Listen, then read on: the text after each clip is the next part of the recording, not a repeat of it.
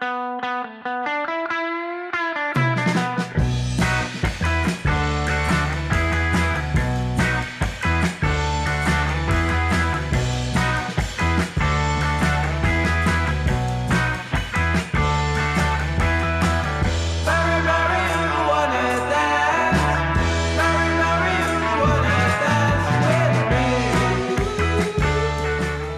Welkom bij High Tea met Dirk en Rens, een podcast over cannabis en alles wat met de plant te maken heeft. Mijn naam is Dirk Bergman. En mijn naam is Rens Hoppenbrouwers. Deze aflevering wordt mede mogelijk gemaakt door de Super Sativa Seed Club. Hoogwaardige cannabiszaden voor geavanceerde kwekers. Verkrijgbaar op www.supersativaseedclub.com. Het belooft een buitengewoon memorabele aflevering te worden, want we zijn te gast bij Mila, de hash queen of Amsterdam. Welkom bij de High Tea podcast, Mila. Hallo, uh, nou hartstikke leuk om erbij te zitten en uh, ik ben benieuwd.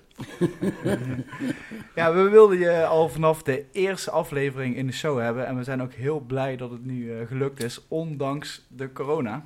Ja, we zitten netjes op anderhalve meter hier natuurlijk in de, de makeshift studio in het Pollinator hoofdkantoor.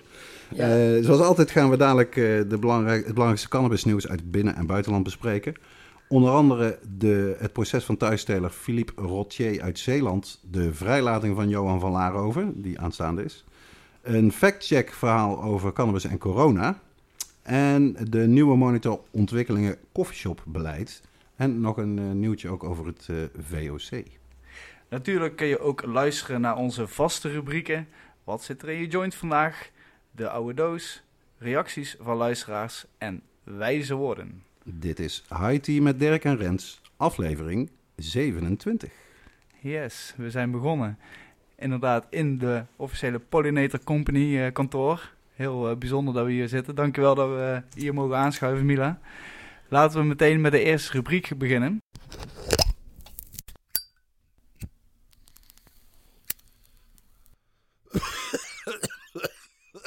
Wat zit er in jouw joint vandaag? En uh, Mila, wat ben jij aan het roken? Ik ben voor het eerst was Baglung aan het roken. Uit de Himalaya's, Nepal, zo vertelt het zakje mij. Ja, ik heb amper een trekje genomen, dus ik kan nog niet veel erover zeggen. Zeggen jullie maar eerst en over een minuut dan weet ik meer over Precies. deze huis. Dirk. Um, wij zijn eventjes voor de, voordat we hier aankwamen bij de dichtstbijzijnde koffieshop in uh, Amsterdam-Noord uh, langs geweest... om toch uh, iets bijzonders te roken te hebben voor deze bijzondere uitzending.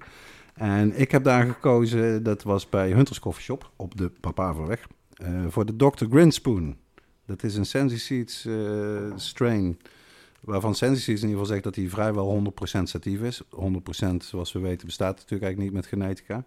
Maar ik moet zeggen, zeker als je kijkt naar, de, naar het zakje wat erin zit, dat is wel dat hele typische ja, kleine topjes, heel fluffy. Uh, bijna bolletjes op een stokje, om het zo maar te zeggen.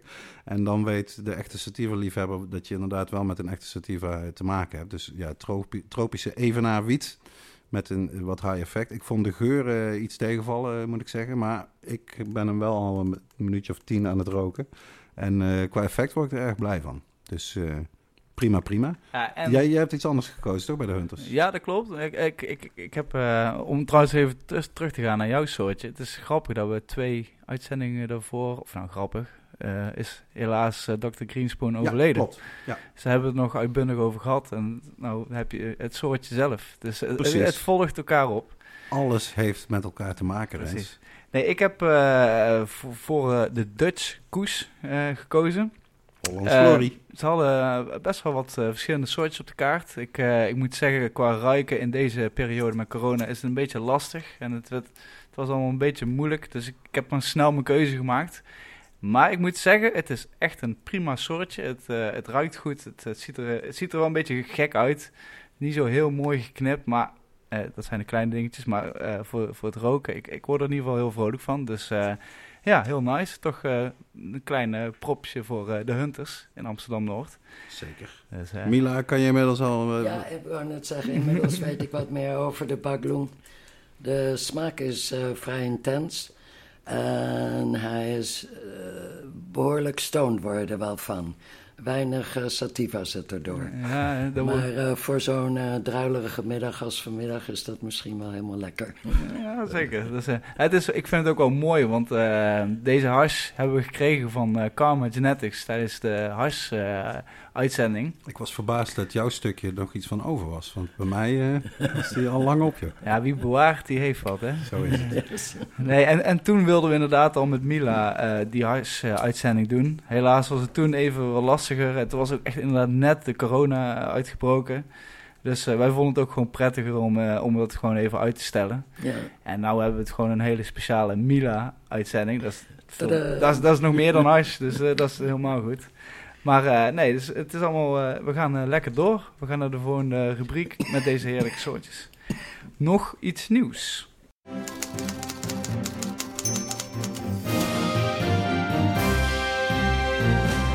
We beginnen met de zaak Philippe Rocher uit Zeeland, die al twee jaar vecht tegen de huisuitzetting van zijn gezin. Op maandag 24 augustus diende zijn zaak bij de Raad van State. Ja, klopt. Was bij de afdeling bestuursrechtspraak is het dan. Uh, dat is een beetje zijn laatste redmiddel. Uh, mocht dit misgaan, dan kan hij eigenlijk alleen nog naar het Europese Hof voor de Rechten van de Mens. Uh, hij is, eventjes kijken, in juli 2019 stond hij voor de rechtbank. want er waren 40 wietplanten bij hem thuis aangetroffen. Hij gebruikt die medicinaal, die planten. Niet alleen maakt hij zijn eigen olie ervan, hij maakt ook zijn eigen strain. En dat is de reden dat hij 40 planten heeft. Een groot deel daarvan zijn dus kleine plantjes, puur bedoeld om hè, te komen tot een soort die voor hem ideaal is. Uh, keurig net de man, ik heb hem voor die zitting nog uitgebreid gesproken aan de telefoon. Ja, dit is gewoon waanzin. Het is een PvdA-burgemeester, Jan Lonink, die dus nadat de rechter heeft gezegd... deze meneer gebruikt die planten medicinaal, daar is niks aan de hand...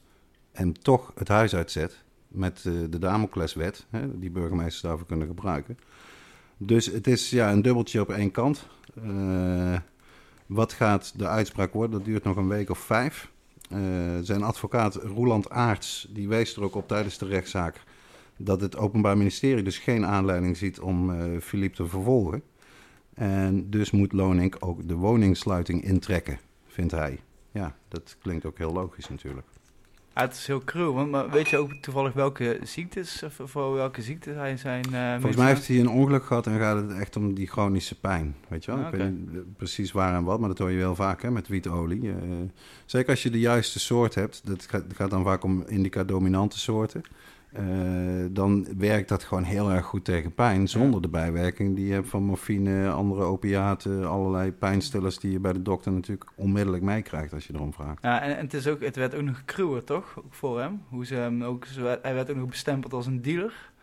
Ja, dat is inderdaad. Uh, ik lees even een stukje voor uit de PZC van. Uh, 24 augustus. Volgens de burgemeester had Rotier niet alleen te veel planten in huis, maar heeft hij ook gedeeld. Hij had een flesje olie verstrekt aan een vriend en ook zijn moeder heeft wat gekregen. En die vriend is een bekende van justitie, benadrukte de burgemeester Lonink van de Partij van de Arbeid.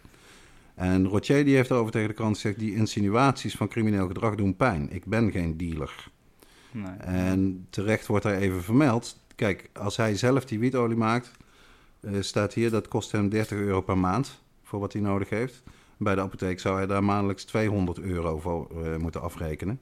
En medicinale wietolie, geen enkele medicinale wiet wordt vergoed natuurlijk door de zorgverzekeraar. Ja. Dus er is reden te over voor deze meneer om zelf uh, zijn olie te maken van zijn eigen planten. Maar goed, daar blijven we bovenop zitten. Laten we hopen dat hij, uh, ja, de Raad van State eigenlijk hetzelfde zegt als wat de rechter eerder heeft gezegd dat omdat het vanwege medicinaal gebruik is, je deze man natuurlijk niet uit zijn huis moet zetten met nee. zijn dochters en uh, zijn vrouw. Is, ja. nee, inderdaad. Uh, wel goed nieuws. Uh, Johan van Laarhoven komt vrij op vrijdag 28 augustus. Maar hij werd deze week ook weer gearresteerd in zijn cel in Vught. Hoe, hoe, hoe zit dat, Dirk? Ja, bizarre toestanden. Het zoveelste hoofdstuk in, in dit drama, kan je het toch wel noemen. Uh, nou, als deze uitzending online staat, is Johan, als het goed is, vrij. Zij het met enkelband, maar wel uh, in Tilburg. Dat is die, uh, die datum van 28 augustus. Ja. Hij is inderdaad gearresteerd op de dinsdag, dus een paar dagen geleden. hij is voor het eerst sinds 2011 in eigen persoon ondervraagd over de verdenkingen van belastingfraude en witwassen. Maar het Openbaar Ministerie heeft wel bevestigd aan het Brabantse Dagblad dat hij wel gewoon vrijkomt, zoals gepland. Even kijken. En de advocaat, uh, Sidney Smeets, is dat, die heeft tegen de krant gezegd... we vinden het onbehoorlijk dat justitie hem vlak voor zijn vrijlating nog wil verhoren. Hij werd zonder aankondiging opgehaald. Ze hadden hem volgende week ook per brief kunnen uitnodigen. Dan was hij ook gegaan.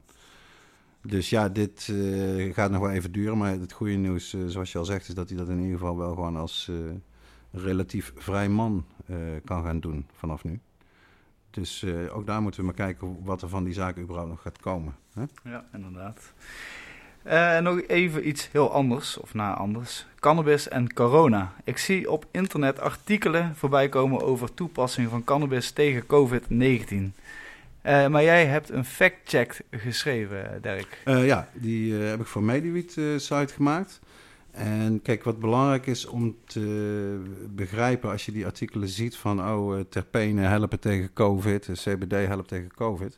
Dat is allemaal wat je noemt in vitro onderzoek. Dus dat is onderzoek alleen in het laboratorium. Betekent letterlijk in glas, in vitro. Dus dat is met reageerbuizen, petri-schaaltjes, dat soort dingen. Er zijn geen mensen bij betrokken. Dus veel van het onderzoek waar je nu over leest... dat zijn wetenschappers, onderzoekers die zeggen... we weten dat cannabinoïden en ook terpenen uh, ontstekingsremmend effect hebben. En die ontsteking is eigenlijk een van de grote problemen bij het coronavirus. Jouw lichaam gaat eigenlijk in een soort overreactie door die covid waardoor je te veel afweerstof als het, als het, gaat helemaal overreageren. Daardoor krijg je ontstekingen aan je weefsels, met name longweefsel. Daardoor komen die ademhalingsproblemen, et cetera.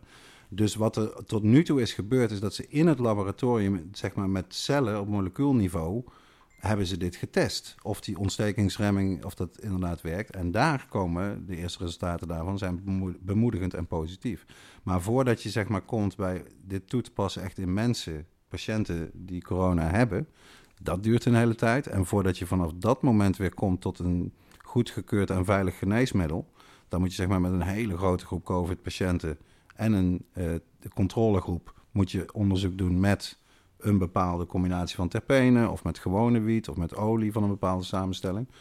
Dus dat komt er eigenlijk op neer dat als, als alles maximaal snel zou gaan en positief, dan heb je het nog over minimaal een jaar voordat je bij die uh, clinical trial bent. Dus uh, als je dat moet samenvatten, een conclusie uit moet trekken, dan moet je zeggen: we weten op dit moment nog niet zeker of dat werkt, maar er is wel degelijk veelbelovend uh, onderzoek wat die kant op wijst. En wat we wel weten, dat, die noem ik ook in mijn artikel, op verschillende plekken, onder andere China, maar ook Brazilië, Israël natuurlijk, zou ik bijna zeggen, want daar gebeurt ontzettend veel onderzoek naar medicinale cannabis, en ook in Canada wordt wel degelijk onderzoek gedaan, ook nu met wel levende mensen. Dus in vivo onderzoek met levende mensen of dieren. Dus we gaan wel vooruit en er zal, dat nieuws zal blijven komen. Je zal die artikelen tegen blijven komen, maar uh, de simpele clickbait kop uh, cannabis geneest COVID, die klopt niet. Ja, ik, ik, vond het ook al vaak te mooi om te geloven. Ja. En, het, het, zou natuurlijk inderdaad geweldig zijn als cannabis de, het medicijn zou Stel je voor, ja. Dat zou toch wat ik gehoord had eigenlijk was dat het uh, meer je immuniteit zodoende opbouwt dat je het ook niet krijgt. Ja. En persoonlijk ken ik ook niemand die echt bloot die corona heeft gehad. Klopt. Maar dat is in mijn geval. Ik wil niet zeggen dat die niet bestaan. Mm Maar dat schijnt toch wel een heel laag percentage te zijn. Wij hadden zelfs op 12 maart in Barcelona, Barcelona nog een Dabadoo met 240 man die echt allemaal elkaar geknuffeld hebben. En niet één heeft corona gekregen. Ja, dat is toch wel. Uh... Ja. Nou ja, in het artikel beschrijf ik het ook. De, de uh, cannabinoïden reguleren precies de eiwitten. Die, die ook zeg maar een grote rol spelen bij COVID. Dus je ziet eigenlijk altijd hè, dat, uh, omdat wij allemaal een endocannabinoïde systeem hebben, ik ben blij dat ik het woord niet hoef uit te spreken vandaag.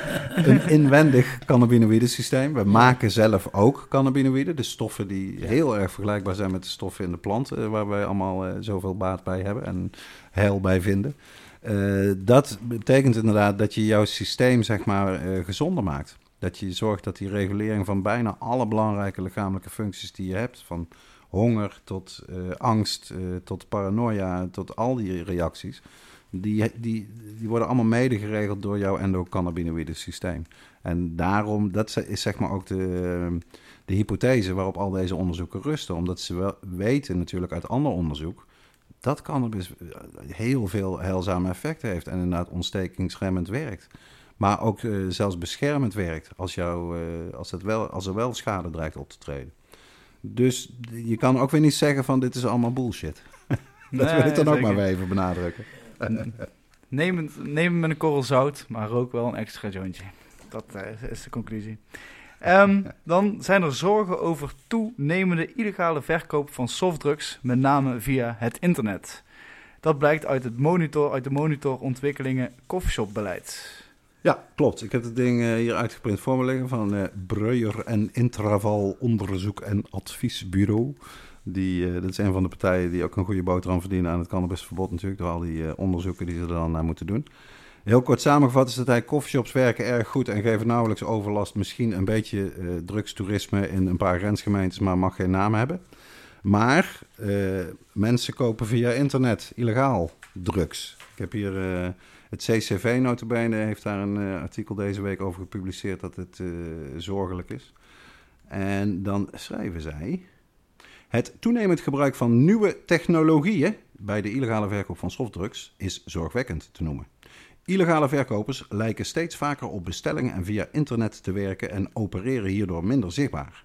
Mogelijk wordt hierdoor een belangrijke doelstelling van het Nederlandse drugsbeleid ondermijnd: de scheiding van de markt van softdrugs, hash en wiet, van die van harddrugs, heroïne, cocaïne, etc. Ja. Ja. no shit, Sherlock, ja, zou ik, bijna zeggen. Ik, ik, ik weet precies uh, uh, dat, het, dat het namelijk gebeurt. Ik, krijg op Instagram echt bijna dagelijks wel zo'n account uh, naar me toe die, die me een hele menukaart stuurt met alle soortjes. Ik moet ook wel zeggen dat bijna 9 van de 10 keer is het ook gewoon scam zijn het gewoon Nigerianen die op een nieuwe manier, ja. ja. die gewoon die mensen ook daarmee oplichten. Dus voor iedereen die het inderdaad aangeboden krijgt, en ik krijg heel vaak berichtjes van vrienden van mij die dan een screenshot sturen van, hé hey man, is het, is het nou echt? Of ik probeer ze altijd af te raden en te zeggen van, jongens, uh, geloof er niet in en uh, betaal sowieso niet. Ook, ja. Maar inderdaad, het, is inderdaad met het internet is er gewoon een hele nieuwe manier gekomen om je, nieuw, om je klanten te bereiken. En je hoeft niet meer op de hoek van de straat te staan, maar je kan gewoon achter je telefoontje zitten en uh, die klanten bedienen. Ja, en het is natuurlijk, het aantal coffeeshops daalt nog steeds. Jaar op jaar op jaar daalt het aantal coffeeshops. Niet alleen in Amsterdam, ook in de rest van Nederland. Voor Amsterdam heb ik het recent nog een keer nagezocht. Sinds 1999 is het aantal coffeeshops tot 2018 gedaald in Amsterdam met 40% Terwijl natuurlijk in die 20 jaar alleen maar meer inwoners, meer bezoekers, meer, toeristen, meer congresmensen die ook naar de coffeeshop gaan.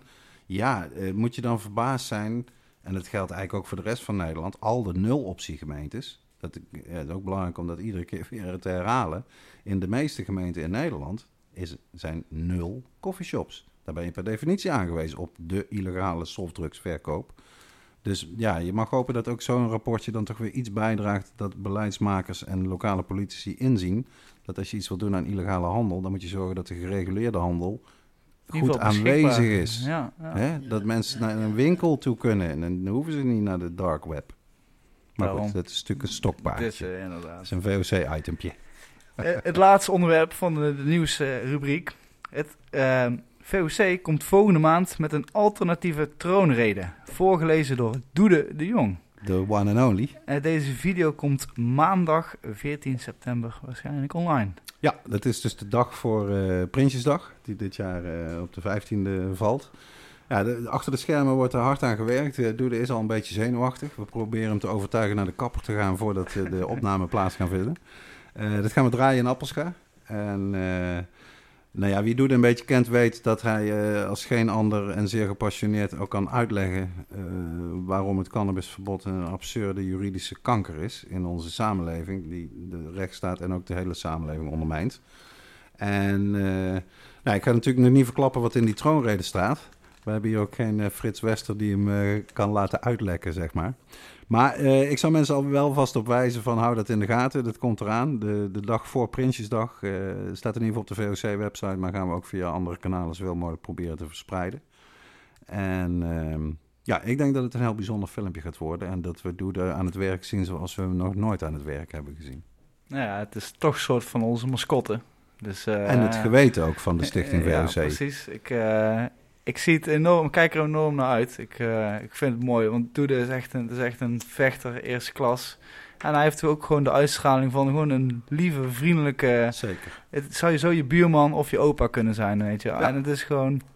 Het is gewoon een... Ja, hij kweekt wiet, weet je wel. Het is, het is helemaal geen... eh, maar het is heel mooi dat hij eh, dat wil doen. Ik, we gaan het zien. En als hij online is, eh, dan zullen we hem ook zeker delen hier op onze website. En natuurlijk hebben we Doede op onze lijst staan voor eh, ideale gasten voor de IT-podcast. Mm. Maar eh, dat moet ook nog eventjes materialiseren. Precies. Ik zeg, we gaan door naar Mila persoonlijk. Tijd voor onze gast en gastvrouw van vandaag, Mila. Voor heel veel, voor, voor heel veel van onze luisteraars zal jij geen introductie nodig hebben. Maar, Dirk, Nou ja, zeker ook niet voor mensen die jouw eh, schitterende biografie hebben gelezen natuurlijk. Mila, How I Became the Hash Queen. Ik kan het iedereen aanraden. Het is een geweldig eh kaleidoscopisch eh, boek. Het is vol humor, vol avonturen natuurlijk, vol levenswijsheid ook. Ik heb er echt buitengewoon van genoten. Maar laten we voor dit interview beginnen bij het begin. Jij bent geboren, zullen niet veel mensen weten, in Liverpool. Ja, ik ben een scousie. Ja, Ja. precies. En je, je hebt je jeugd eigenlijk doorgebracht in drie landen, voor, voor zover ik het uit het boek, eh, als ik het goed herinner. Ja, Dus in Engeland, maar ook in eh, voormalig Nederlands-Indië en in Nederland. ja. Als jij terugkijkt op jouw jeugd, wat is dan eigenlijk, jouw- waar heb je de beste herinneringen bewaar je aan? Nou, Indonesië herinner ik me heel weinig van. Daar was ik al weg voordat ik vier was. En eh, Nederland ook niet zoveel. Ja, Engeland eh, heb ik tot mijn elfde gewoond, dus dat eh, heb ik de meeste herinneringen aan. En ook super herinneringen. We woonden vlakbij een groot bos. En eh, mijn moeder houdt erg van de natuur. We hadden een grote tuin. Dus het was een hele bijzondere, rustige en fijne jeugd. Oké, ja, mooi is dat. hoe, hoe, hoe, hoe kwam het zo dat jij eh, in die drie plekken op die, of zoveel eigenlijk verhuisde al als kind? Ah, eh, ik verhuisde zoveel omdat mijn vader werkte bij Shell. Ah, Dus, eh, oké, vandaar. Ja, ja dan eh, ga je heel de wereld over. Ja. Dat geloof ik wel.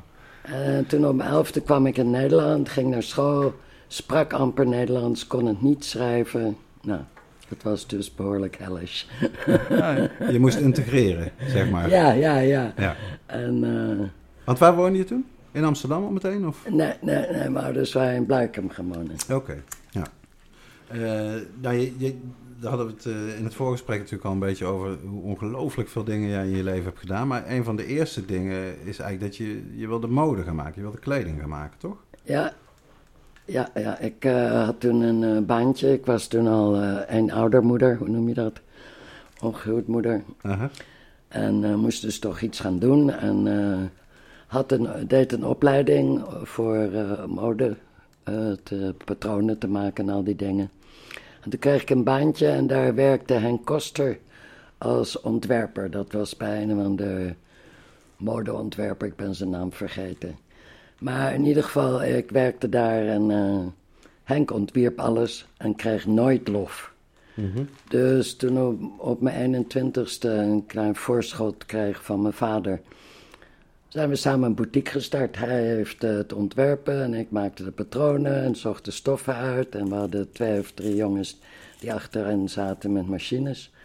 Liep als een trein, liep zo goed dat op een gegeven moment, ja, toen kwamen mensen als eh, Timothy Leary, LSD in ons leven terecht. En toen was het toch dit was dus- erg hard werken met die boutique. dit, dit was dus midden eigenlijk in die magisch centrum Amsterdam periode. ja, dat De- was al in Amsterdam, ja, de- zeker. De, Ja. jaren 60, Op de de, Tweede 60. Rozengracht eh, Ja. zaten we. Ja. Nou ja, je zegt eh, LSD die k- kwam erbij inderdaad. Eh, nou ja, vanuit mijn eh, eh, interesse in, in Simon Vinko weet ik natuurlijk ook heel veel over hoe Amsterdam, hoe LSD hier geland is, eh, bij wijze van spreken. Ik zag daar net nog een stapeltje liggen van het boek King Acid van Ja. Peter ten Hopen, Ja, waar dat geweldig in eh, beschreven wordt. ja. Maar ik neem aan dat, dat voor jou, dat, je, dat de hash eerder kwam dan de LSD, of niet? De huis kwam eerder. Ik was eh, op een gegeven moment, me- had ik een vriend die studeerde medicijnen en die wilde wel eens de effect zien van hash. Trouwens, in die tijd kon je helemaal geen wiet krijgen in Nederland. Ja. Was er niet. Je kon hash krijgen uit Lab- Lebanon, Turkije, Fijn, hij had een luciferdoosje vol hars gekocht, want zo kocht je dat toen. Ik geloof dat het een tientje was. Zo. En eh, we hebben wat joints gemaakt. En ik weet alleen nog, op een gegeven moment lag ik op de grond te rollen van het lachen en lachen. En ik zeg altijd, it was love at first talk. Ja, ja, ja. you never went back. I never went back. En eh, dat was in uh, later 64. En hier, ik blow nog steeds. ja, precies. En ik ben nu 75, dus dat is toch al een periode. Ja, dan... eh even kijken, heb je dat 50-jarig jubileum? Ja, dat heb je dan al Ja, ja, achter dat de rug. ja. Ja, geweldig, geweldig. Oké, dus de, er was de, de, de kledingboutique en dat was eh, heel erg veel werk en, en er waren want iedere veel andere zaterdag- interesses. Ja, en iedere zaterdag waren we uitverkocht en dan moesten we weer helemaal opnieuw beginnen voor te bouwen. En, oei, oei, oei. Het was heel populair. Het was, in die tijd had je boutiquejes en wij waren de eerste toevallig die minirokken verkochten. Iedereen kon zijn rok af- afknippen, maar wij verkochten ze ook. Ja, ja, ja, ja. Dus dat was heel populair. En toen eh, dachten we. Op een gegeven moment had ik een vriendin, Laurie Langenbach, die werkte voor Hitwerk. En die eh, maakte me erop attent dat er nergens was in die tijd. Toch even ook voor de jongere luisteraar. Ik weet heel goed wat Hitweek is, maar wat, wat was Hitweek en wat was de status van Hitweek? Eh Hitwerk was een underground magazine. Eh, ik heb er thuis nog een paar liggen zelfs. Mensen, je kunt ze bijvoorbeeld via boekwinkeltjes, kan je af en toe nog op de kop tikken, doe dat. Dit Ja. zijn geweldige, geweldige cannabis cultuurdingen Er staat ook in eh, we- welke twintig beste hits er waren in Nederland, in Ja. Engeland, in Amerika. En als je dat dan nu ziet, dan is het... Sommige die ken je niet eens.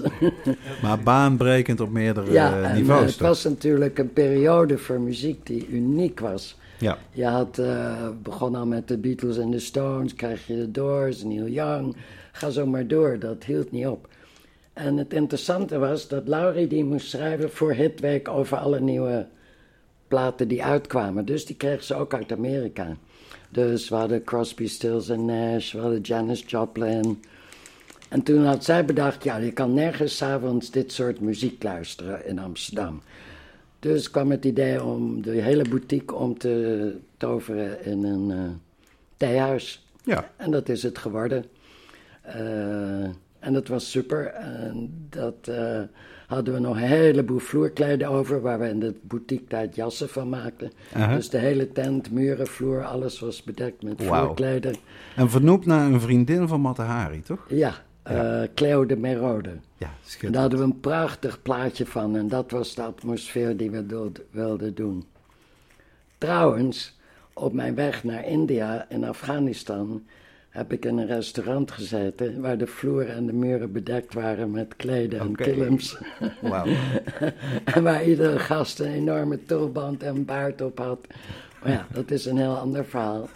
Maar ik realiseerde me toen ik daar zat dat dat de sfeer was die we toen in Amsterdam Ja. wilden creëren. Ja, precies. En eh, Maar dat theehuis, eh, inderdaad, volgens mij was het ook een, een doorslaand succes, maar heeft maar heel kort bestaan, toch? ja, ja, ja, ja, want eh, er kwamen natuurlijk op een gegeven moment mensen vanuit Kabul, mensen uit Amerika. Mensen uit Kabul die brachten super hash mee. Mensen uit Amerika die hadden al vaak hun paspoort verbrand en van alles om weg te komen eh, van die Vietnamoorlog. En, eh, Ik geloof dat de Who ook wel eens naar een concert is gekomen chillen ja, bij die jullie. is ook wel eens in een Ja. theehuis geweest. Achteraf eh, nog even doorspelen en kwekken en blowen en alles. Kwekken, ja, mooi. Ja. Want eh, waarom, jij bent, volgens mij eh, dat theehuis, daarna ben je eigenlijk besloten naar India te gaan. Ja, want eh, op een gegeven moment eh, wilden toch allerlei mensen zich met je bemoeien en regels opleggen. En eh, het idee was dat eh, te, je leven werd te veel georganiseerd in Nederland op dat moment. Toen en al. Daar we, toen al, moet kun je nagaan. En daar moesten we van weg. Dus eh, oké, we hebben een busje gekocht en met een paar jongens en ik en mijn dochter, die toen drie was, zijn we richting India gereden. ik had zelf geen rijbewijs, dus toen we ruzie kregen met de jongens die wel rijbewijs hadden, stonden wij op straat. En waar was je toen? Welke straat was dat? Welk land? Dat was eh, vlak voordat we in Istanbul aankwamen. Oké. Maar ja, iedereen behalve de chauffeur was uitgestaft. Dus we zijn broederlijk met z'n vieren verder gelift. En lang verhaal kort te maken, uiteindelijk in India uitgekomen. Ook een maand in Afghanistan doorgebracht, wat uh, toen zo'n superland was. Uh, het doet me altijd pijn in mijn hart om te zien wat er allemaal aan de gang is gegaan na die tijd. Wij waren er voor de Russen, voor de Amerikanen. Ja, ja, ja. En uh, ja, dat zou je in mijn boek moeten lezen, wat voor een superland dat was en hoe open en hartelijk en warm de mensen waren. Ik denk altijd, het kwam waarschijnlijk omdat we allemaal uit dezelfde hoekapijp rookten. Mhm. En dat bracht toch een zekere gevoel van verboedering uh, teweeg. Tja. Ja. Ja, er ligt hier ook een heel mooi fotoboek uh, op tafel. Hè? Afghanistan Fortress of Cannabis. Dat, volgens mij Dat was net, verschenen ook. Hè? Ja. Ja, ja, ja. Heel mooi een, een, een fotoboek. Er staat ook wel wat tekst in, maar ik moet het vooral hebben van de, van de foto's. Van, en dat is natuurlijk bemoedigend. Uh, er is nog steeds die cannabis- en hashcultuur, die is er gewoon nog in uh, Afghanistan. Ja. Dan moet je er wel voor uh, naar het noorden, denk ik, van het land. Hè? Ja, die man die dat geschreven is, is, die is in 2018, Lucas heette die, um, is hij naar Noord-Afghanistan gegaan vanuit Oezbekistan. Dus hij hoefde nooit door Kabul of ergens waar er heel erg die Taliban en dergelijke heersten. En in het noorden, en dat is het prachtige van dit boek, zie je dat mensen nog vrijwel hetzelfde zijn en ook doen. Ze maken nog steeds huis op de ouderwetse manier. En de plaatjes laten zien dat dat uh, echt uh, superhuis is. Ja, ja precies. Echt. In die tijd dat ik er ook kwam, was Afghaanse huis was gewoon het topje. Van de wereld, hè? Ja, van de wereld. Ja. En, Wat ik me afvroeg, hè? je bent onderweg. Ik heb zelf ook een tijdje mogen reizen, zou ik bijna zeggen, door Azië. Wat een geweldige ervaring was. ja. Wanneer en waarom besloot je van ik blijf hier? Ik trek niet meer verder. Dit, dit is waar ik ga blijven. Of ging dat veel geleidelijker misschien? Ik had eigenlijk in jongere jaren boeken gelezen over het Hindoeïsme en het Boeddhisme. Dus dat Hindoeïsme, waar je zoveel goden had in vergelijking met die ene die wij hebben, dat trok me altijd wel aan. Dus uh, altijd was het plan al wel een beetje om in India te blijven hangen. Misschien uiteindelijk door te gaan. Ja, China, daar was nog weinig meer te vinden, maar naar Tibet en Japan. Mm -hmm. Maar ik ben gewoon in India blijven hangen, 14 jaar lang. En, uh, in de Kulu-vallei? Zomers veel in de Kulu-vallei en winters veel in Goa. Okay. Werd wel eens afgewisseld met de winter in Madras en, uh, of in Calcutta, of in, niet in Calcutta zelf. Maar boven Calcutta had je een uh, centrum, uh, Shantiniketan. En dat was een universiteit die gestart was door Rabindranath Tagore. Dat is dus een oude dichter. mysticus in Een India. mysticus, ja. En uh, alle klaslokalen waren ook buiten. Nou was het weer daar natuurlijk wel geschikt voor. Ja. Maar daar heeft mijn dochter dansen geleerd en ik heb daar zang gestudeerd en Tibetaans. Ja, want je zei al, jouw dochtertje was uh, toen drie, toen Ja. je vertrok. Ja. Uh, 14 jaar daar gezeten, dus je hebt haar letterlijk in India helemaal opgevoed. Ja, ja. en uh, ik heb daarna ook nog vier kinderen gekregen, waarvan één zelfs in India is geboren. Mm -hmm. Die andere twee in Holland. Maar we zijn toen altijd daar gebleven totdat bleek dat mijn jongste zoon zo erg dyslexie had dat ze hem daar niet konden helpen. En toen moest ik wel terugkomen. Ja.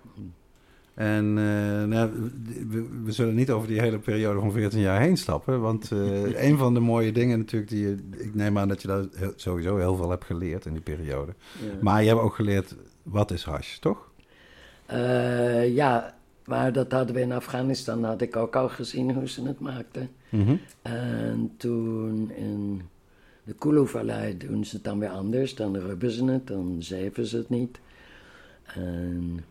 Nepal zeven het weer meer en in Kashmir ook. Ja, ik, ben, uh, ik heb ook veel zelf gerupt voor het ontbijt. En dan had je meteen juist je eigen chillen bij elkaar gerupt. Wauw. Wake and bake, ja. the royal way. Maar ik denk dat je dan toen ook al best wel stoned was als je al... Dan trekt het toch al behoorlijk In in je huid. huid, toch? Als je de huis aan het maken bent. Dan ben je eigenlijk al Uh, stoned tijdens Kan het ik me niet herinneren dat dat zoveel meer effect had. Ah, Oké, oké. Maar ja, we rookten toen behoorlijk. Dat geloof ik. En inderdaad altijd chillums of verschillende dingen? Of? Heel veel chillen. Toch wel de chillen, In die ja. tijd. Moet Ja. ik nou niet meer proberen, maar... eh, En dan met zo'n eh, met een lapje, toch? Ja, met een lapje. zakdoek. Bambolinaat. Bam, dat is het inderdaad. Ja. Heel mooi. Maar je vertelde wat, wat de reden was dat je toch eh, besloot naar Nederland eh, terug te keren. Dan hebben we het over, de jaren tachtig inmiddels? Eh, 88. Ja. ja. ja. Nou, jij, jij, jij kwam terug. eh, laten we even een mental picture daarvan proberen te... We hadden, het in, we hadden het in de voorbereiding ook over. Dat was eigenlijk volgens mij nog helemaal in de heyday van de coffeeshop en de growshop. En toen alles nog bloeide en groeide, toch? Ik kwam hier terug en eh, opeens was de stad vol met coffeeshops. Ja. En die hadden allemaal wiet. Nou had ik mijn hele leven nog geen wiet gehad eigenlijk. Oké. Want het is zo dat er vanaf Noord-Afrika tot aan China mensen alleen maar hash roken. Ja. Niemand rookt wiet. Ja, in het zuiden, in Thailand en Zuid-India misschien wel, maar daar was ik toevallig ook niet geweest. Dus opeens is die stad vol met wiet, dus dat moet ik ook wel eens proberen. Maar na vijf keer bedacht ik, nee, ik blijf bij mijn hash. Ja. En eh, ik rook nu ook nog alleen nog hash. En, eh, ja, dat was eh, gek. En toen moest ik natuurlijk iets bedenken om wat te verdienen voor al die kinderen. En als je tegen de 50 bent, is dat niet makkelijk als je geen opleiding hebt gehad om een baan te vinden natuurlijk. Maar het kweken was op dat moment nog amper strafbaar. Ja, klopt, ja. En eh, vrienden uit India die hadden ook de gewoonte om zomers in Nederland door te brengen en een flinke wietoogst te kweken en dan weer naar Goa te gaan Ja, voor de winter. ja. En die jongens Met die kwam ik hier dus ja. tegen. En eh, oké, dan zou ik hem meehelpen. Maar die hadden nog nooit van kloontjes. En ik had vroeger ooit in een tuinderij gewerkt toen ik tiener was en kloontjes leren maken van allerlei planten. Dus eh, toen hadden ze me in eerste instantie nodig om die klonen te maken. Want dat een vrouw daar kwam werken was toen nog niet zo eh, geaccepteerd. Ja, nee, nee. ja. Het was een beetje een mannenwereld op die. Maar eh afijn, eh, dat ging prima. En, ik heb altijd, al, dat geld is opgegaan naar schoolgeld en Ja, tickets Kleren. en ja. kleren voor die Simpele, kinderen. ja. En op een gegeven moment toen waren we dan toch te vaak bijna gepakt. En eh, toen dacht ik ook opeens, ja, als een oudergezin met al die kinderen, wat gebeurt er als ik inderdaad eh, echt opgepakt word? Want inmiddels spreken we over t- eh, 93, Ja. 94. En toen was het toch, vooral grote kwekerijen werden toen toch wel degelijk opgerold. Mhm. Want dat was toch ook oorspronkelijk de reden dat je wegging uit Amsterdam, omdat toen ook de kinderbescherming op je deur begon te kloppen van hallo, je Ja. hebt een theehuis vol met drugs, hippies en zo. Ja, ja, ja, ja. Ja, nou, Goh. toen zijn we ook binnen twee weken waren we weg. Ja. Dat geloof ik wel, ja. Maar goed, eh, dus toen dacht je van het kweken wordt eigenlijk de link. Ja, maar ik had inmiddels zelf al, omdat ja, die coffeeshops waren wel vol met wiet, maar 90% van de hash kwam uit Marokko. Mhm. En dat vond ik maar niks. Ik was Afghaan gewend. En, eh, ik had natuurlijk geleerd hoe het moest. Dus toen ik daar ging kweken, toen was het al snel gebeurd dat ik ook mijn eigen hash kon maken. Aha. En dat deden we dan op een eh, plat screen. En dan zat je het liefst in een koude ruimte, een beetje met die, eh, dat plantmateriaal boven dat screen te waffelen, zeg ik altijd. Ja. Niet roeren, maar een beetje de lucht in eh, Mhm. Opgooien, zeg maar. opgooien. Ja. En dan heel langzaam vielen die kristallen erdoor. Tot de nacht dat ik opeens voor mijn droger van mijn eh, wasmachine stond te Uh-huh. kijken. En wat gebeurde daar in die droger? Al die kleren die tuimelden daarin rond. En ik dacht, nou, dat lijkt verdomd wel eh, wat ik daar met de hand zit te doen boven een screentje. Dus ik de volgende dag naar het werk en ik zeg tegen de jongens, ja, we moeten een tweedehands wasdroger. Oké, die was snel gehaald. Eh, het koude element eruit gehaald. Eh, gewoon een screen, even met houtje touwtje, om die drum gegooid in die wasdroger. Een zeef, zeg maar. Hè? Ja, een Ja. zeef screen eromheen. En een paar handen vol gedroogd materiaal erin. En jongen, jongen. Behold. Vijf minuten later lag er een heel bergje kristallen daaronder in die machine. Wauw. Nou, dat is toen het begin geworden en, eh, van de pollinator machine. En dat is dus een droogzeefmachine. Had jij, hè, dat vind ik interessant, op dat moment toen je zeg maar dat eerste bergje zag liggen, na Ja. zo'n korte tijd, Ja.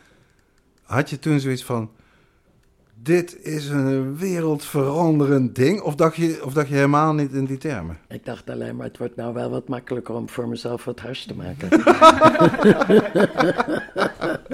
Toen was er ook nog helemaal geen verkoop dat we die huis verkochten. Niks, niks. Maar goed, kijk, je, een van jouw charmes is je bescheidenheid. Maar we kunnen hier toch, denk ik, wel concluderen aan tafel dat dit een enorme impact heeft gehad Daar wereldwijd. heeft eh, Rob Clark me ook voor het eerst eh, Ja. van bewust gemaakt. We hebben toen ook in, eh, wat toen eh, de...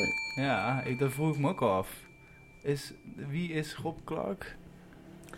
Oké. Rob Clark is eh, een van de weinige mensen die in de zestiger jaren al over wiet studeerde in Amerika en ook alle Ja. papier erover heeft. Echt een grote naam. En hij heeft fantastische boeken geschreven ook. Eh, over hash, Ja. hashish. En dan was er een eerder waar ook in, eh, die genetica en alles Mhm. beschreven werd. Rob Clark, als je er een boek van tegenkomt, zeker dat boek hashish. Altijd kopen. Altijd ja, kopen. dat is wel een goede aanrader. En inderdaad. meest recent is eh, Cannabis and Ethnobotany. Ja, wat hij samen met eh, Dave Merlin. Ja, maar dat is toch ook wel, als je echt heel serieus wil weten wat de stand van zaken is wetenschappelijk over eigenlijk alle onderwerpen met cannabis. Ja. Dus herkomst, al die dingen, het Sativa Indica debat. Dat is ook een duur boek, maar mooi, Ja. hardcover, eh, gebonden, noem maar op.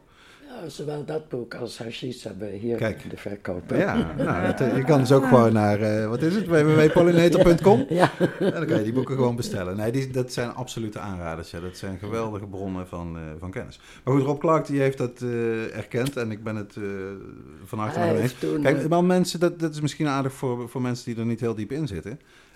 Tot dat moment gooide iedereen zijn knipafval weg, toch? Wat je wegknipte al, van de toppen, werd gewoon in de kliko gesmeten. Maar en in eh, Azië maakten ze natuurlijk al duizenden jaren hash. Ja. Maar dat was altijd met de hand gezeefd en of wat, hoe dan ook. Dit was dus de allereerste machinale methode om die kristallen te separeren van de rest van het plantmateriaal. Ja. En dat heeft Rob Clark toen ook die eerste dag. We hadden het keurig tentoongesteld met een zwart fluwelen doek over die machine heen. Wauw. En eh, Er was een verslaggever van het Parool, denk ik wel aanwezig, want het stond al snel in de krant. Ja. er was, eh, het was eh, THC, hoe heette die vroeger? CIA, Cannabis in CIA Amsterdam. heette die toen nog. Daar was het toen. En toen was het net na de, een van de eerste High Times. Dus er waren ook een heleboel Amerikanen. Soma was er, dat was zijn eerste bezoek aan Nederland. Ah, oké. En ja, Rob Clark die realiseerde zich onmiddellijk wat dit eigenlijk betekende. Ik niet. maar ja, we maken ze nu nog steeds. En ik Ja, liet jullie net zien hiernaast.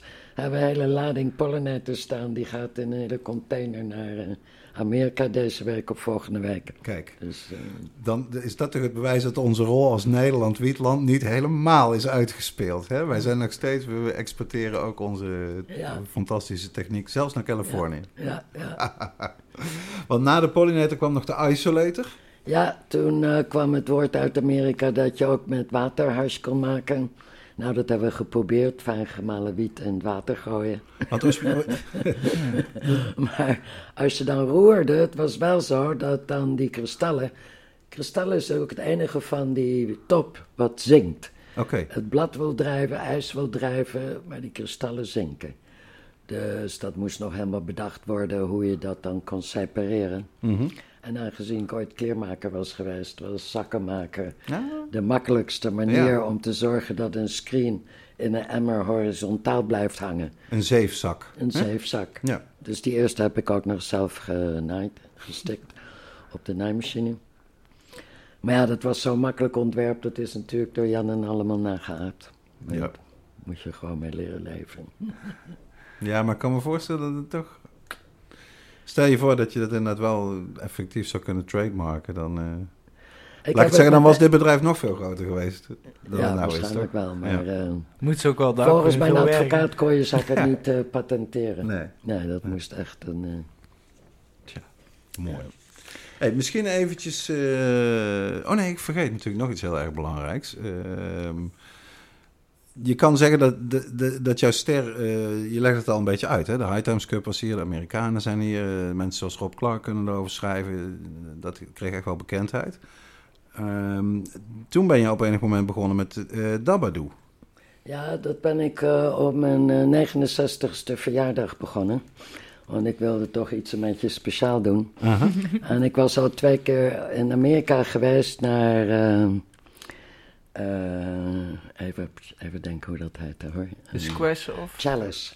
Oh, oh, Chalice oh, oh, ja. Dat is een geweldige jongen. Die, eh, en die organiseerde dus dat x aantal judges samples van alle inzendingen krijgen. En dan x aantal tijd krijgen om. eh, Ja. dan bepalen welke de beste is. Dus ik dacht, nou, dat gaan we kleinschalig doen. Eenmalig, eenmalig. Maar iedereen vond het zo geweldig, die eerste Dabadoo, dat vier maanden later hadden we er al een in eh, Barcelona. Maar dat is natuurlijk interessant. Eh, jij bent heet niet voor niet eh, de hash queen of Amsterdam. Eh dabs, dus zeg maar moderne concentraten. veel mensen zullen althans zeggen dat is toch echt iets anders dan hash. Zie jij dat ten eerste ook zo? En, en hoe ben jij eigenlijk gegaan van hash wel naar concentraat ook? Ik rook weinig van die dabs. Ik vind Mhm. het is net alsof je een hele joint in één eh, teug inhaleert. En het hoesten wat mensen vaak na die dabs doen, daar kan ik mijn eh, oude longen liever niet Uh-huh. aan blootstellen. Dat vinden ze niet tof. dus ik dab echt maar zelden. Oké, Maar ik heb er niks op tegen, weet je. Alles moet evolueren. ja. Als alles statisch maar blijft stilstaan, dan is het geen goed iets. Dan gaat het op een gegeven moment gewoon weg. Eh, dingen evolueren. Kijk maar naar architectuur, mode, muziek, alles. Stilstaand water gaat stinken. Ook. Dus dit ook en dat hierna. Weet je, ik ben blij met die dabs eigenlijk. Wat ik niet tof vond, was die, eh, eh, die spullen die ze maken met eh, gas. Eh, de BHO. Ja. BHO. Dat Met vond ik maar butaangas. niks. Vooral in het begin, toen niemand dat nog behoorlijk schoonmaakte en zo. Ja. Ja, heel veel En mijn zoon, die dyslexische trouwens is, die, die is eh, uiteindelijk eh, pharmaceutical chemist geworden. Oké, Wow. en die zegt ook, er is geen gas waar geen zware metalen in zitten. En niemand weet nog. wat er dan gebeurt als je dat inhaleert. Ja. En hij zegt als mensen nou een paar keer per week, oké. Maar ik zeg iedereen in Amerika die het zich kan permitteren, die dab liefst 30 keer per dag. ja. Ja. Ja. dan heb je dus weinig eh, in idee wat de toekomst zal brengen. ja, Maar dat vond ik toch nooit zo lekker. En wat dat betreft, die echte dabs, die rosin, Mhm. dat is, zijn gewoon de kristallen en die worden dan met een lichte warmte fijn gedrukt, waardoor dat de olie eruit komt. Dus het enige verschil is dat ze het hele dunne laagje cellulose missen, Mhm. wat om de, al die kristalletjes heen zit. En daarom is dat die dabs, die kunnen ze ook goed dabben, want die heeft geen residu. Als ze dabben met de beste isolator of wat dan ook, Mhm. dan blijven er altijd die kleine hoeveelheid eh, cellulose over en dan heb je een zwarte rig. Dus Ja, dat, precies. eh, Moet je weer poetsen. Ja, kan je dat goed zien. Ah, wow, dan leer je toch weer iets bij. Ja, hè? dus Het rosin, rosin is eigenlijk the way to go. Meest Ik natuurlijk. denk, ja, ja als je dan eh, wil dabben, dan eh, kan je beter dat dan die eh, BHO. Dat eh, vind ik maar niks. Dat maakt niet uit wat ze zeggen. Het ja, ik, vind, ik vind het wel interessant. Ook, ik ben ook bij één uh, dat bedoel ook geweest. Of wij zijn samen Ja, ja, toen, in eh, Barcelona was epic, epic. ja, dat was erg ook eh, een van mijn eerste cannabis cups waar ik eh, aanwezig was. Eh, Oké. Dat was, eh, wa- eh, was in ieder geval in een hele, was in een club was een hele met een mooie club. buitenruimte. Met Ja. eh, een binnentuin erin. Ja. Ah, dat was ook Was zo mooi. Ja, en met Glasblazers. Je zegt Oh, het. Oh, die lekker keer. Ja, ja, ja, ja. Dat was toch een beetje rommelig, omdat die glasblazers er allemaal doorheen riepen. Ja, Ik vond, nou ja, ik was ook big time eh, foto's aan het maken en zo. Ja, ik heb ja, me echt ja, wel ja, eh, ja. zeer geamuseerd op alle vlakken. Ja. Hoewel ik wel moet zeggen dat ik blij was dat ik toen al voor het eerst al een keer had gedapt. Namelijk in Wenen volgens mij, een keer in Oostenrijk. Ja. Want het was voor mij ook wel weer een beetje zo'n drempel. Ja, En eh, misschien heb ik het zelfs al een keer verteld in een aflevering, maar dat was destijds met Joep Omen die tegen mij zei: "Pff, nou, nee joh, gewoon, dat is alleen maar puurder, dus eh, niks aan de hand. En dat was toen ook een hele fijne experience. Dus ik wist ook wel toen ik bij die Dabadoo kwam, lekker. Ik wil gewoon ook wel eens kijken en proeven. En Ja, eh, we zien ja, wel. ja. En ik, dat kan ik ook wel zeggen. Dankzij die uh, weet ik. Want normaal, ik, kijk, ik heb ook niet uh, tientallen debs in huis liggen of zoiets. Nee. Maar dat, ik heb denk ik die avond zeker tien verschillende concentraten geproefd. Ja, En ik had nog geen kater of geen negatief, niks. Ik had niks wat ik niet fijn vond aan ja. het Ja. effect daarop. En eh, dat vond ik dus ook wel weer aardig om, om dat in ieder geval te weten. Ja. Snap je? Dat, en dat wil dan dus nu, dat blijkt ook wel. Want ik zelf, voor mij, dat, zou, dat is misschien een van de moeilijkste vragen die je mij kan stellen. Mes op de keel, hash of wiet? Want ik hou van alle Ah, twee erg veel.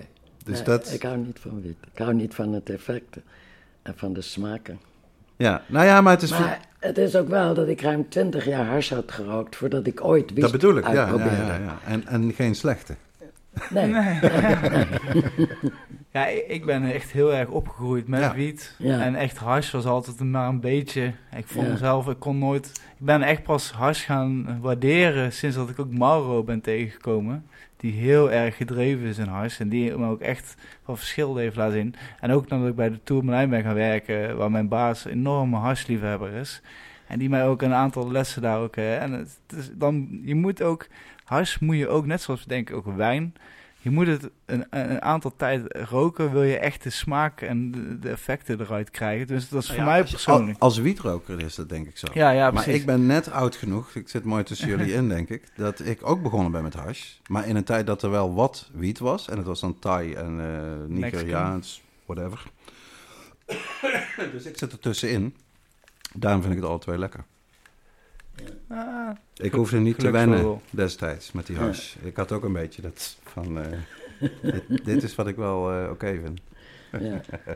nou ja, en ik moet ook wel zeggen, Mila heeft mij en Mauro ook zeer geïnspireerd om eh, de Homegrown Cup te starten. Ja. En eh, Ja. het was voor ons, het was in 2015, dus dat is nou ook alweer vijf jaar geleden. ja. Maar eh er was in, in, bij Pizza Geert, was het... Nog lekker zeggen, underground. Ja, het was heel underground, maar Ja. dat was ook... eh, ik moet zeggen, ik vond het leuk dat je toen aanwezig was. En eh, dat we toen dat kon, konden uitproberen. Maar eh, nee, ja, het is, ik vond het heel interessant. Ik, ik vroeg me af... oh, trouwens, nee, dat, dat bewaren voor de oude doos, die vraag. Oké, oké. nee, die... Zijn we al toe aan de oude doos? nou, ik weet niet of jij nog een sappige vraag aan Mila heeft. Een sappige vraag. Of, Nou ja, wat, dat vroeg ik me inderdaad toch wel af. Eh, even kijken, we zitten eind augustus. Hè? Dus corona is nu een half jaar eh, een maatschappelijke realiteit. Eh, hoe beleef jij die, die periode? Heb je het idee dat het voor jou heel veel beperking geeft? Eh, voel je jezelf in de risicogroep? Ben je er niet of wel mee bezig? Ik moet mezelf soms helpen herinneren dat in het leven hoor ik tot de risicogroep. Ik voel me helemaal niet zo, maar moet me er soms wel naar gedragen.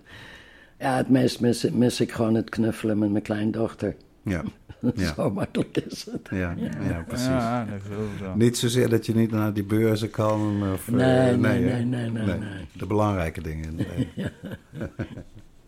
Oké, nou dan moeten we misschien maar doorgaan naar de oude doos. Toch? Zeker weten. Wat zit er vandaag eh, in de oude doos, Dirk?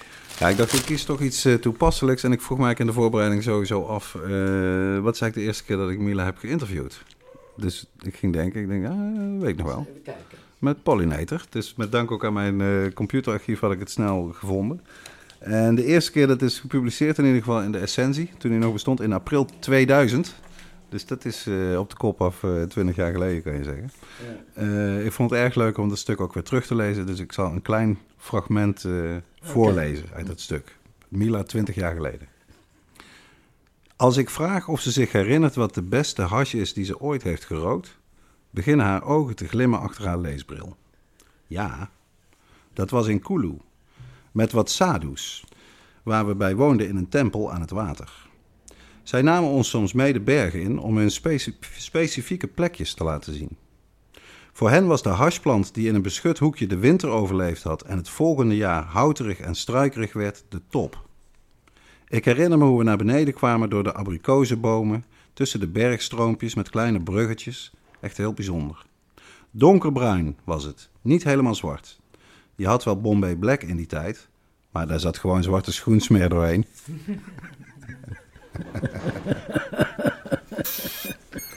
Dus de vraag is nou eigenlijk natuurlijk: heb je in die 20 jaar die sindsdien verstreken zijn betere hars gerookt dan uh, die? Nou, die had wel het meeste effect ooit. Ik heb natuurlijk kwalitatief waarschijnlijk betere harsje gerookt. Maar ook weet ik nu in die tijd, omdat we het in die chillums rookten binnen het uur nadat het gemaakt is, dat er ook waarschijnlijk nog heel veel, wat is dat, uh, THCA? THCA, ja. ja dat dat onmiddellijk vervliegd in zat. Dus ik weet niet of dat, uh, maar het was ook natuurlijk de hele omgeving en de moeder met die sadus. Het was gewoon het geheel. Ja. En wat, zijn, wat zijn sadhus dan, als ik uh, vragen mag? Een uh, sadhu, het zijn mensen die de wereld eigenlijk doei doei zeggen, wil ik niks meer mee te maken.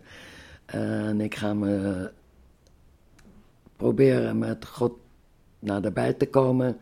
En daar is hash een van de middelen voor. En zoals voor veel mystieken en soefies, die gebruiken hash als springplank om in hogere sferen te komen. Rituelisch, ja, ja, ja, ja. De chillum komt eigenlijk daar vandaan. Dat is echt, uh, elke sado heeft een chillum om hash te roken.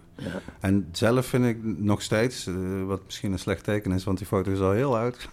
maar een van de mooiste foto's die ik ooit gemaakt heb, is in India van een sadhu. Die woonde in een heel klein tempeltje naast een uh, weggetje.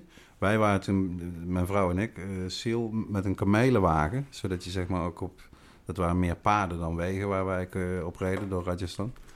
En die man, dat, ja, dat was zo'n geweldige man, weet je wel. Ja. Lange rastenharen, lange baard, een enorme smile. Alleen maar een lendendoek. En, de, en de, zijn huisje, zo gezegd, dat tempeltje... Ja, dat was gewoon een soort uh, oud-testamentisch iets, weet je wel. Dat stond er waarschijnlijk ook al 600 jaar. Met vrijwel niets waar hij dus toch op een of andere manier uh, kon leven. Klein vuurtje, één pan, weet je wel, om rijst te koken. En... Uh, ja, die, als je in India reist, kom je, kom je ze eigenlijk overal wel tegen. Mensen die eigenlijk, uh, zoals je zegt, afscheid hebben genomen van alles.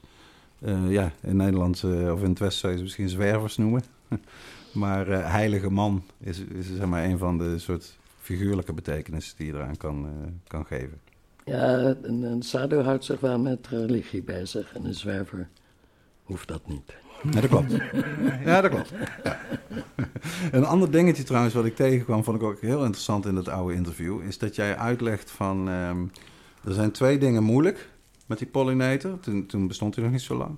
Het eerste is om mensen te overtuigen dat ze hem niet al te lang aan moeten zetten. Om ze te overtuigen dat een klein bergje beter is dan een grote berg. maar dat het nog moeilijker is om ze te overtuigen dat je eigenlijk die pollen moet bewaren voordat je er hash van gaat maken. Ja.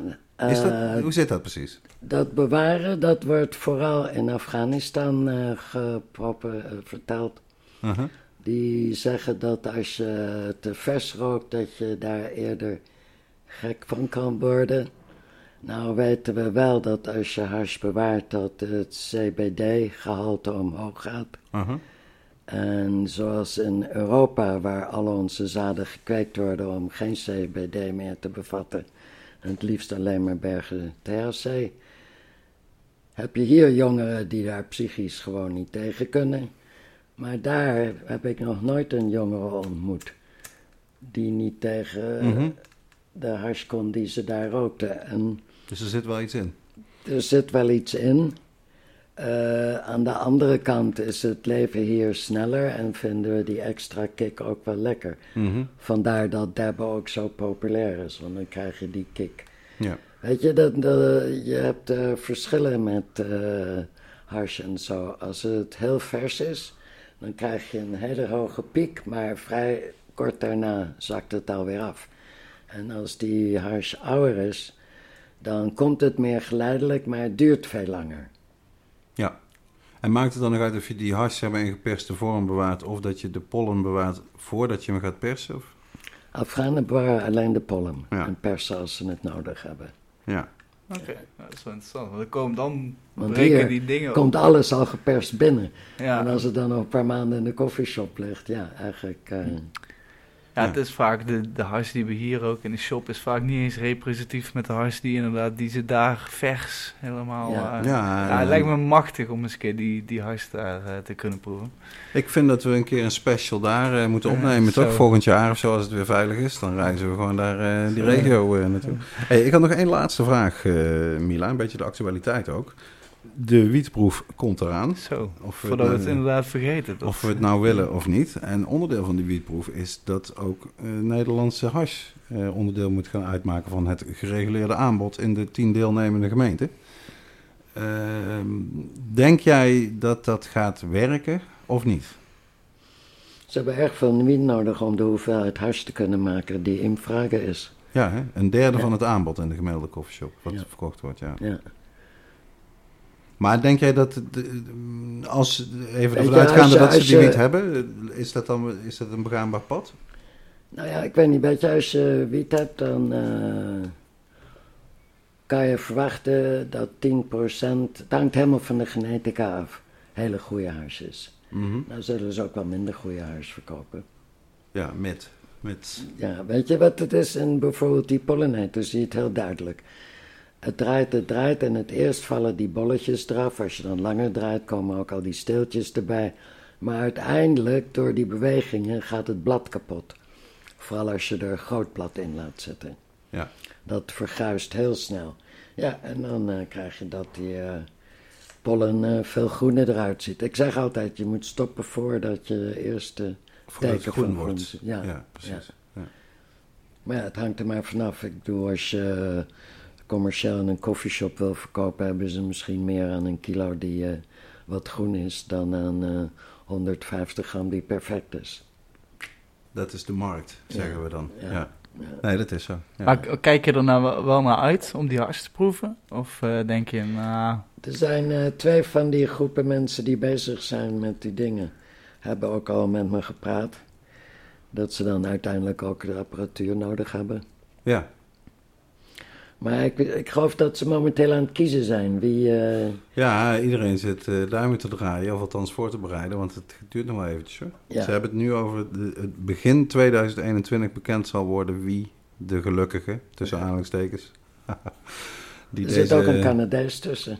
Nou ja, wel meer dan één. De- ja, misschien wel tientallen zelfs. Dat is... eh, Weet je, ik heb ooit toen ze voor medische wietkwekers zochten, heb ik het aangevraagd. Nou, dat waren 36 pagina's, ja, en zijn er nou meer, hè? waarschijnlijk. Ja. En daaruit bleek al heel snel dat je niet moest denken dat je ooit, ooit, ooit maar het kleinste snufje huis van je eigen plant kon halen.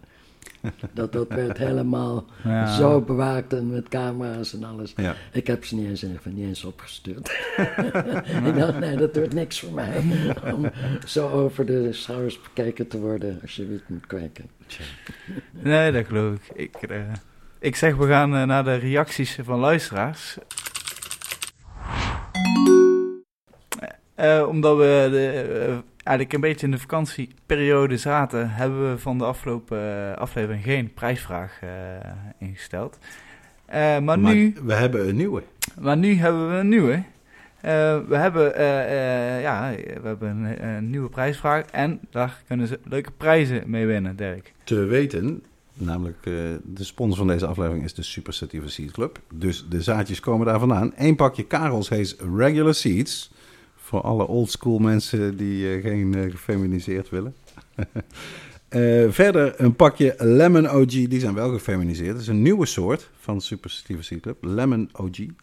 En een doosje Super Seed Club, een grote vloei met tip. Die zien er ook prachtig uit, kan ik zeggen. En ik, eh, ja, ik moet zeggen dat, dat zou ik al, ik vond het al heel cool. Ik wilde het al stiekem vragen, maar ik durfde het niet. Maar We hebben, we hebben nog een extra, extra prijs. extra leuke prijs. De winnaar eh, van eh, deze nieuwe prijsvraag, die krijgt ook een, het prachtige boek van Mila. Mila, How I Became the Hash Queen. De doen we erbij voor de gelukkige winnaar.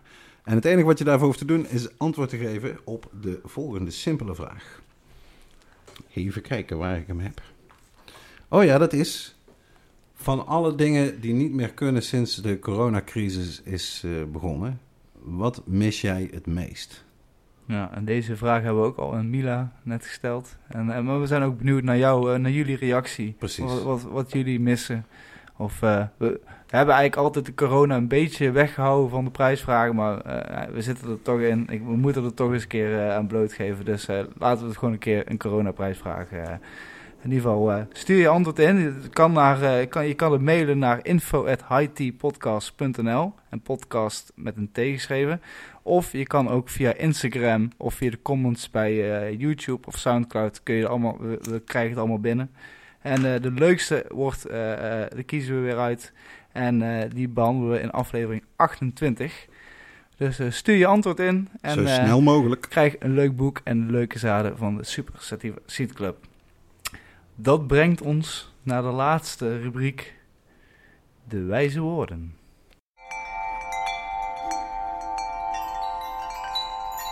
Wijze woorden. Indeed. De wijze woorden van vandaag zijn van Nadja Tolokonikova. Zij is lid van eh, Pussy Riot, de welbekende Russische anti-Putin eh, politieke rockband. En ze komen uit een brief die Nadja op 23 februari 2013 schreef vanuit strafkamp IK-14 in Mordovië aan Slavoj Zizek, ook een interessante figuur, uit Slovenië. Socioloog, filosoof, psychoanalyticus, communist en cultuurcriticus. En dit zijn Nadja's wijze woorden. In het leven van diegenen die op kinderlijke wijze in de triomf van de waarheid over de leugen en in wederzijdse hulp geloven, en die volgens de logica van het geschenk leven, gebeurt altijd precies op het noodzakelijke moment een wonder. Wel weer diep. Ja, toch? Kun je me eens toelichten? Nou, ik leef zelf ook met die logica. Eh, je moet vertrouwen dat het universum op het eh, juiste moment jou eh, vooruit helpt. Als jij open staat voor wat het universum jou te bieden heeft. Om het eh, te parafraseren. Toch, Mila? Ja, zekers, zekers. Daarmee, daarmee sluiten we af. Dankjewel Dirk. Daarmee zijn we alweer aan het einde gekomen van deze afle aflevering. Ik wil in de eerste plaats Mila hartelijk bedanken voor, de, voor haar gastvrijheid en deze interview. Eh, dank aan mijn co-host Dirk eh, en aan, natuurlijk aan Simon die aan mijn rechterzijde zit voor de techniek. En dank aan de sponsor van deze aflevering, de Super Sativa Seed Club. En natuurlijk voor alle luisteraars bedankt voor het luisteren en tot de volgende keer. Houdoe mensen.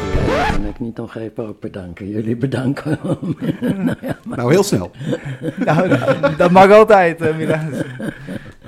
En ik wilde jullie heel graag, graag bedanken dat je hier zijn gekomen voor deze ontzettende gezellige middag en toch wel leerzame gesprekken.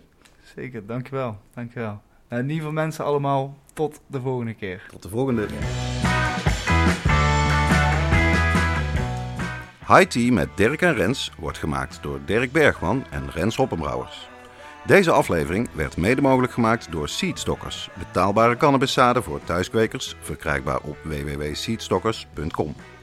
Onze tune is Marijuana van de band Moon. Beluister hun muziek via iTunes en Spotify.